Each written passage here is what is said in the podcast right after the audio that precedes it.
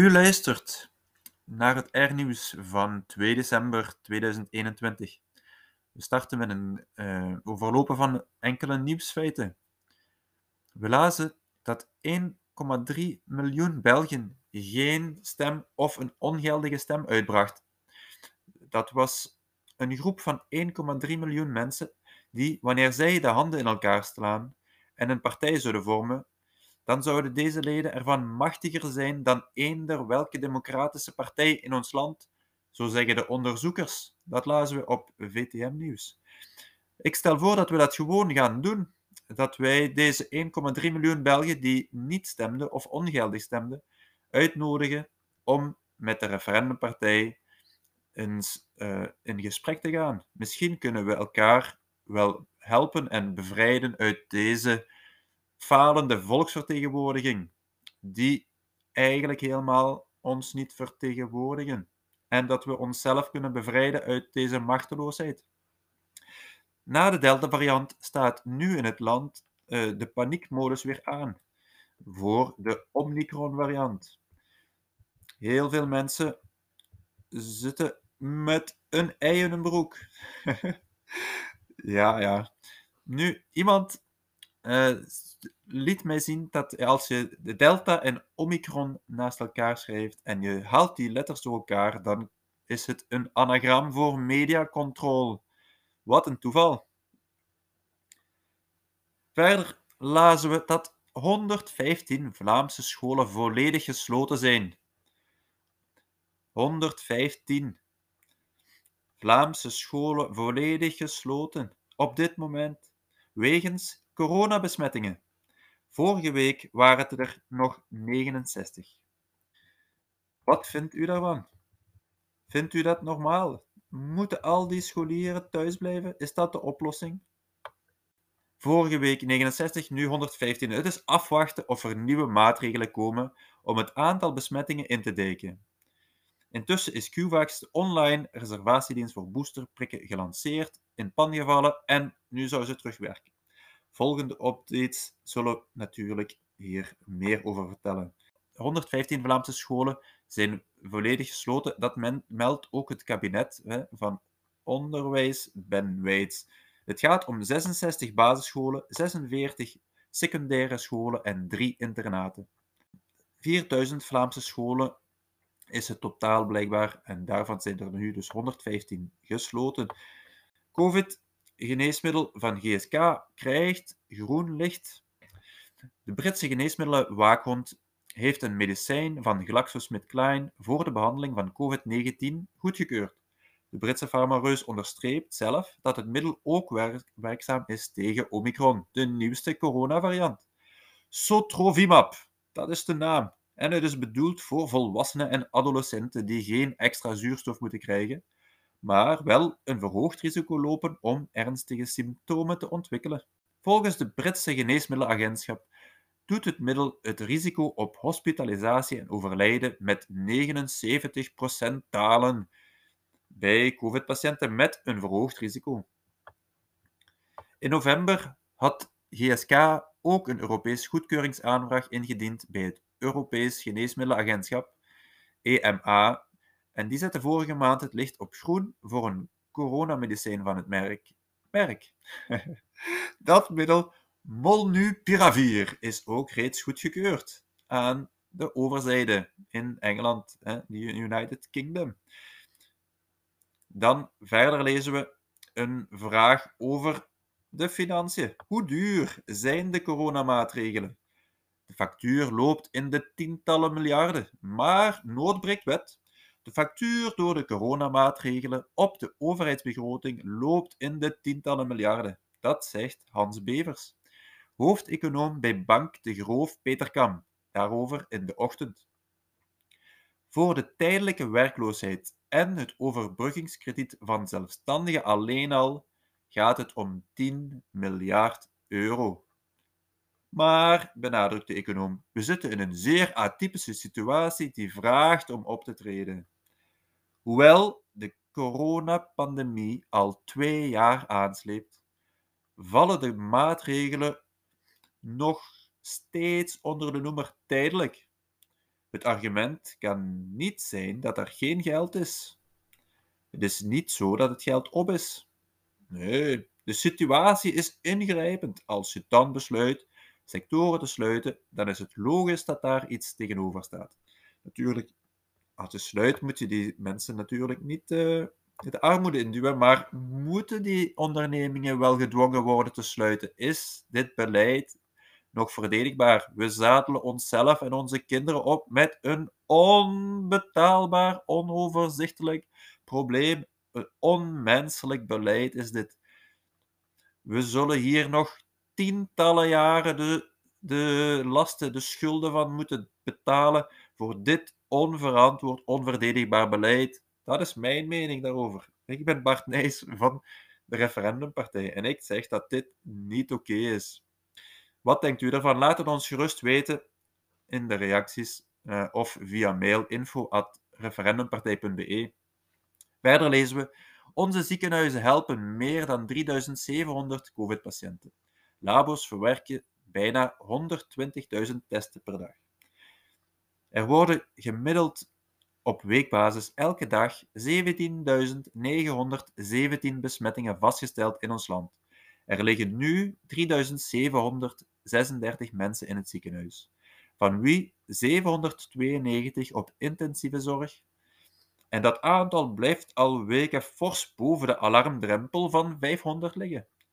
Er is wel een lichtpunt. De stijging van de coronacijfers vertraagt al enkele dagen. Dus dat het vertraagt heeft volgens mij niets te maken met de nieuwe maatregelen, die nog geen tien dagen oud zijn. Wat lezen we nog verder? Politie mag coronapas niet scannen. De procureur begrijpt ophef niet. Het is nooit de taak van agenten geweest. Blijkbaar mogen politieagenten het COVID-safe-ticket niet scannen als ze controle doen in horeca en evenementen. Zij mogen de scan zelf niet doen. Zij mogen alleen controleren of er een scan gebeurt en ze de mensen dus controleren voordat ze hen binnenlaten. Verder lezen we: Vlaming landt na een week in Zuid-Afrika op Schiphol en krijgt na het invullen van een PLF-bericht dat hij niet in quarantaine moet. Hij staat er zelf van te kijken. In het bericht stond te lezen dat de man een uitzondering is. Ik zou niet weten welke uitzondering, vertelt hij. En hij ging zelf vrijwillig in quarantaine. Meer dan 5000 gezinnen staan nog altijd zonder verwarming na de overstromingen van juli. Winter dreigt een catastrofe te worden in die getroffen gebieden in België.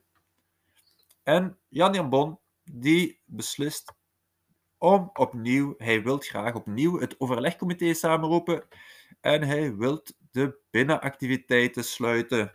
Ja, hij richt zijn pijl op alle binnenactiviteiten allerhande. Een concert in het Sportpaleis, de cinema, het sportcentrum. En Frank van den Broeke volgt, maar de rest van de wedstrijd wacht het expertenadvies dat vandaag op het bureau van de premierland af. Dan het toppunt, uh, het beste wat ik vandaag las, moraalfilosoof Patrick Loobuik van de Universiteit Antwerpen pleit ervoor dat ongevaccineerden verplicht worden om zich aan te melden in het vaccinatiecentrum, waar ze dan officieel het vaccin kunnen weigeren. Ze kunnen dan een papier ondertekenen waarop staat dat ze op de hoogte zijn van de mogelijke gevolgen, zegt hij in de Gezet van Antwerpen. Ook wat betreft het eventueel afstaan van voorrang in de zorg. Hij stelt ook voor dat als ze de prik dan nog weigeren, dat ze dan iets kunnen ondertekenen wat uh, een van de gevolgen zou kunnen inhouden dat een job in de zorg niet langer mogelijk is, of dat ze in een noodsituatie geen voorrang zullen krijgen op mensen die wel gevaccineerd zijn. Ik denk niet dat iemand voorrang moet krijgen op iemand anders, hè, maar dat iedereen op het gepaste moment behandeld moet worden en dat de overheid verplicht is om te zorgen voor een efficiënt zorgapparaat met voldoende capaciteit om alle inwoners degelijke zorg te kunnen voorzien, ook in crisissituaties. Dat is het beleid dat wij verwachten van politici. Zij moeten zorgen dat er voldoende mensen aan een goede zorg kunnen, uh, dat ze daarop kunnen rekenen, dat er personeel en bedden voldoende zijn. als ze dat niet doen en ze decennia lang besparen op de zorg en niet luisteren naar de verzuchtingen van de zorgmedewerkers die al tientallen jaren op straat komen voor meer loon, meer personeel en betere uh, voorwaarden, een leefbaar uurrooster. Als ze daar geen rekening mee houden, dan zijn niet wij, de inwoners, schuldig aan dit, deze situatie, maar de politici die ons in deze situatie hebben gemanoeuvreerd met hun besparingen in de zorg al tientallen jaren.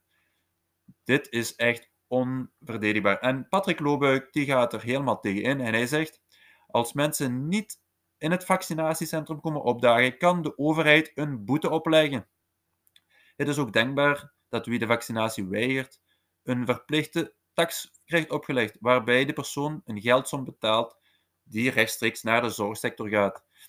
Hij is helemaal het noorden kwijt. Dat is dan een moraalfilosoof. Hè? Waar is zijn moraal naartoe? Dat is mijn vraag. Oké, verder. Voormalig Oostenrijks kanselier Kurz trekt zich volledig terug uit de politiek. De voormalige kanselier van Oostenrijk, Sebastian Kurz, trekt zich terug, meldt de Duitse krant Bild en verschillende Oostenrijkse media donderdag. Hij stopt op in, na beschuldiging van corruptie. Hij zou ook uh, beschuldigd zijn overheidsgeld te hebben gebruikt om peilingen te manipuleren in zijn voordeel, waardoor hij leider van de partij kon worden en daarmee ook bondskanselier. Partijgenoot Alexander Schallenberg volgde hem op als kanselier. Dan het weer. Vandaag wordt het wisselvallig en vrij koud, met doorgaans veel bewolking en buien, die soms intens en winters van karakter kunnen zijn. In de Ardennen vallen er sneeuwbuien die voor een accumulatie van enkele centimeters kunnen zorgen. Elders is het ook niet uitgesloten dat het tijdens de hevigste buien even wit komt te liggen. In de namiddag vallen de meeste buien in het westen, waar ze ook gepaard kunnen gaan met een donderslag. De maxima liggen tussen min 1 graad in de Hoge Venen en tot 6 graden vlak aan zee.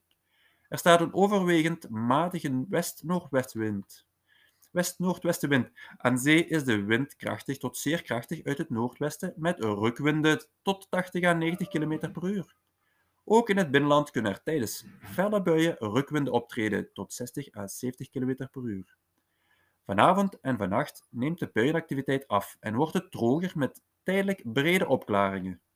In Hoog-België hangen veel lage wolken en kan er aanvriezende mist voorkomen. Ook elders in het land kunnen in de loop van de nacht mistbanken gevormd worden die lokaal kunnen aanvriezen. Er is ook gevaar voor ijsplekken. De minima liggen tussen lokaal min 5 in de Ardennen en plus 3 aan zee, met in het centrum van het land waarden in de buurt van min 1 graad. De wind waait zwak tot matig uit eerst nog noordwest, noordwest en later krimpend naar zuidwest. Vrijdagochtend is het op vele plaatsen uitkijken voor ijsplekken. Overdag wordt het zwaar bewolkt, vanaf het westen met geleidelijk periode van regen. Ten zuiden van Samber en Maas valt er tijdelijk smeltende sneeuw. De maxima liggen tussen min 1 graad in de hoge venen en 6 graden aan zee. De wind wordt krachtig tot vrij krachtig uit zuid tot zuidwest, wat het koude gevoel zal versterken. Zondag wordt het wisselend tot zwaar bewolkt met sneeuwbuien in de Ardennen, maar ook in Vlaanderen buien die hier en daar winters kunnen zijn. De maxima liggen tussen 0 graden in Ardennen en 6 graden aan zee. De wind waait matig uit het zuidwesten tot westen, aan zee soms krachtig uit het noordwesten. Dat was het weerbericht. Zondag 5 december, als jullie naar Brussel gaan, doe u dan lekker warm aan. Om 13 uur in Brussel Noord is er een manifestatie tegen dit beleid. Wilt u dat er een instrument is waarmee de inwoners zelf het vertrouwen in de regering kunnen opzeggen? Die vraag stelde de referendumpartij op Twitter. En wilt u dat inwoners nieuwe verkiezingen kunnen afdwingen binnen drie maanden nadat blijkt dat de meerderheid van de inwoners geen vertrouwen geeft in de regering? Die vraag kan u dus vinden op Twitter. Uh, zoek het gerust op, referendumtweet of uh, hashtag referendumpartij en u zal hem vastvinden meer dan 95% van de inwoners die deelnamen aan deze poll, die nog enkele dagen online blijft, waar u nog enkele dagen aan kan deelnemen, Dus meer dan 95% van de deelnemers zegt dat zij dat instrument willen. Dat inwoners zelf nieuwe verkiezingen kunnen aanvragen en het vertrouwen in de regering op kunnen zeggen. Ik nodig jullie allemaal uit om aan de goede kant van de geschiedenis te komen staan. Schouder aan schouder, hand in hand. Doe mee met de referendumpartij en word lid of donateur. En zet onbekwame politici en experten aan de deur.